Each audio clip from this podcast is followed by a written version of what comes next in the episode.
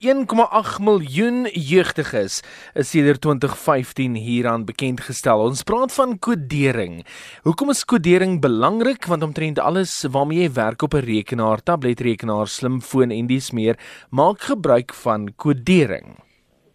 En op die lyn vandag het ons aan Sofie Strydom hoof van kommunikasie by SAP Afrika. Goeiemiddag aan Sofie. Hallo Sue, hallo Etienne, baie dankie vir die geleentheid om uh, vandag met julle te kan gesels. Goed, kodering is die woord. Hoe leer 'n mens om te kodeer? die goeie nuus is, daar is soveel geleenthede om om kodering te leer en die beter nuus is, dit is nie beperk tot net 'n spesifieke ouderdom nie. Hmm. So die die die ehm um, op hierdie stadium in Suid-Afrika is daar baie skole wat kodering aanbied as deel van hulle standaard kurrikulum of in die vorm van naskoolse klasse. Maar dit is ongelukkig nog nie genoeg nie. Ehm digitale geletterdheid is glad nie uh, op die standaard waar dit moet wees en op die volume waar ons dit graag wil hê in Afrika nie.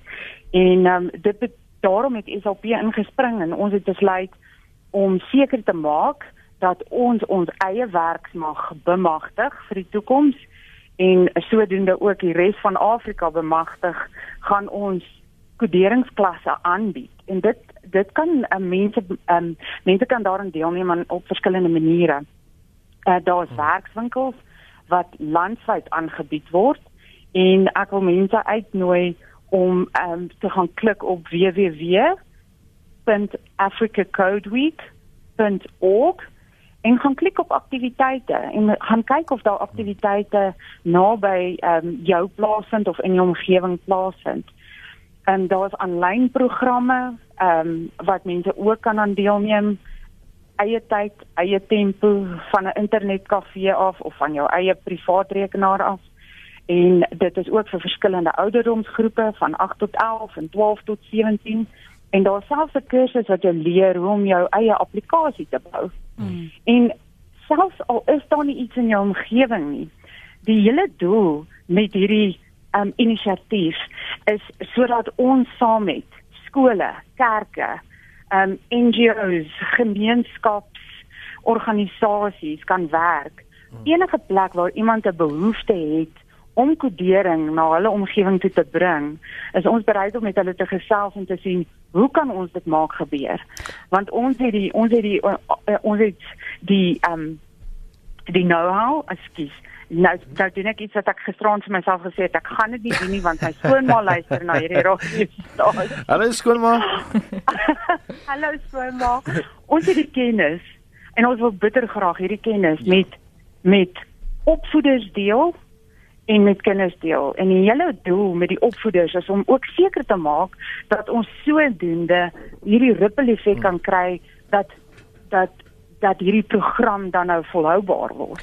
Ansofie, ek wil net gou daar inval die die oomblik as 'n mens die woord kodering hoor, is dit amper soos 'n kind wat die woord sushi vir die eerste keer hoor. Hy gee vir jou daai kyk van wat? Dis rou vis. ja. Nou die oomblik as 'n mens die woord kodering hoor, um, dan dink jy uiteraard daar moet 'n mate van wiskunde hierby betrokke wees. So is wiskundige geletterdheid ook baie belangrik om kodering te kan doen en verstaan.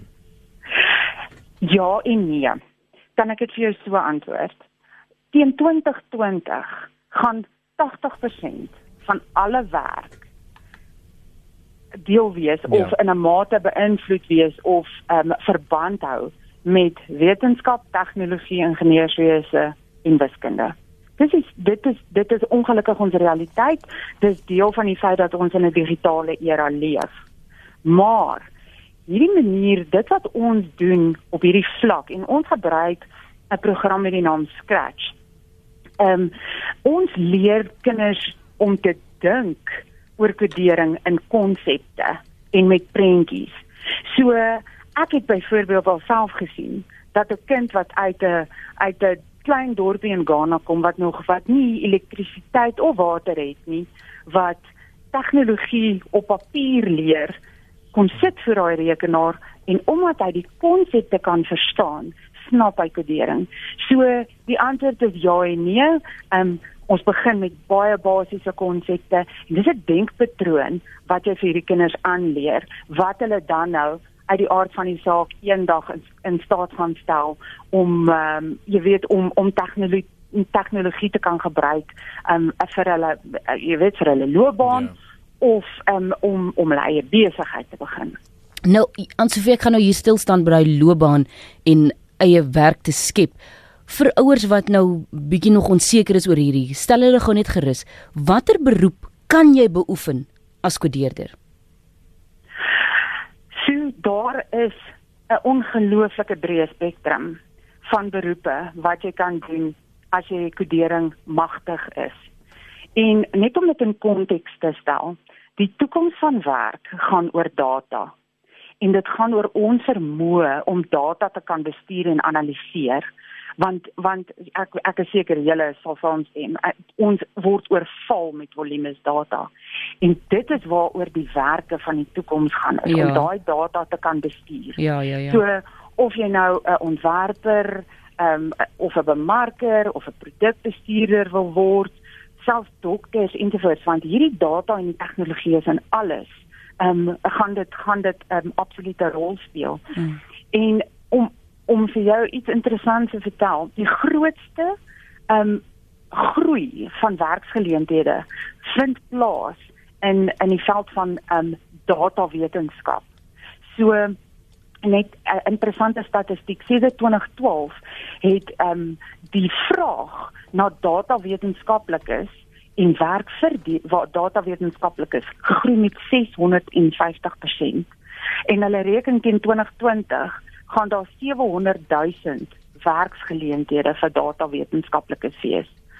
Op hierdie stadium is is sowat omtrent 60% van die werk in die finansiële sektor en dit is uit die aard van die saak omdat daar baie syfers betrokke is en baie data betrokke is, maar datawetenskap is is 'n area wat wat ek so graag wil hê kinders moet baie sterk oorweeg juis omdat dit die toekoms is, daar gaan baie werk wees en daar is tans 'n ongelooflike tekort om om dit in konteks te stel.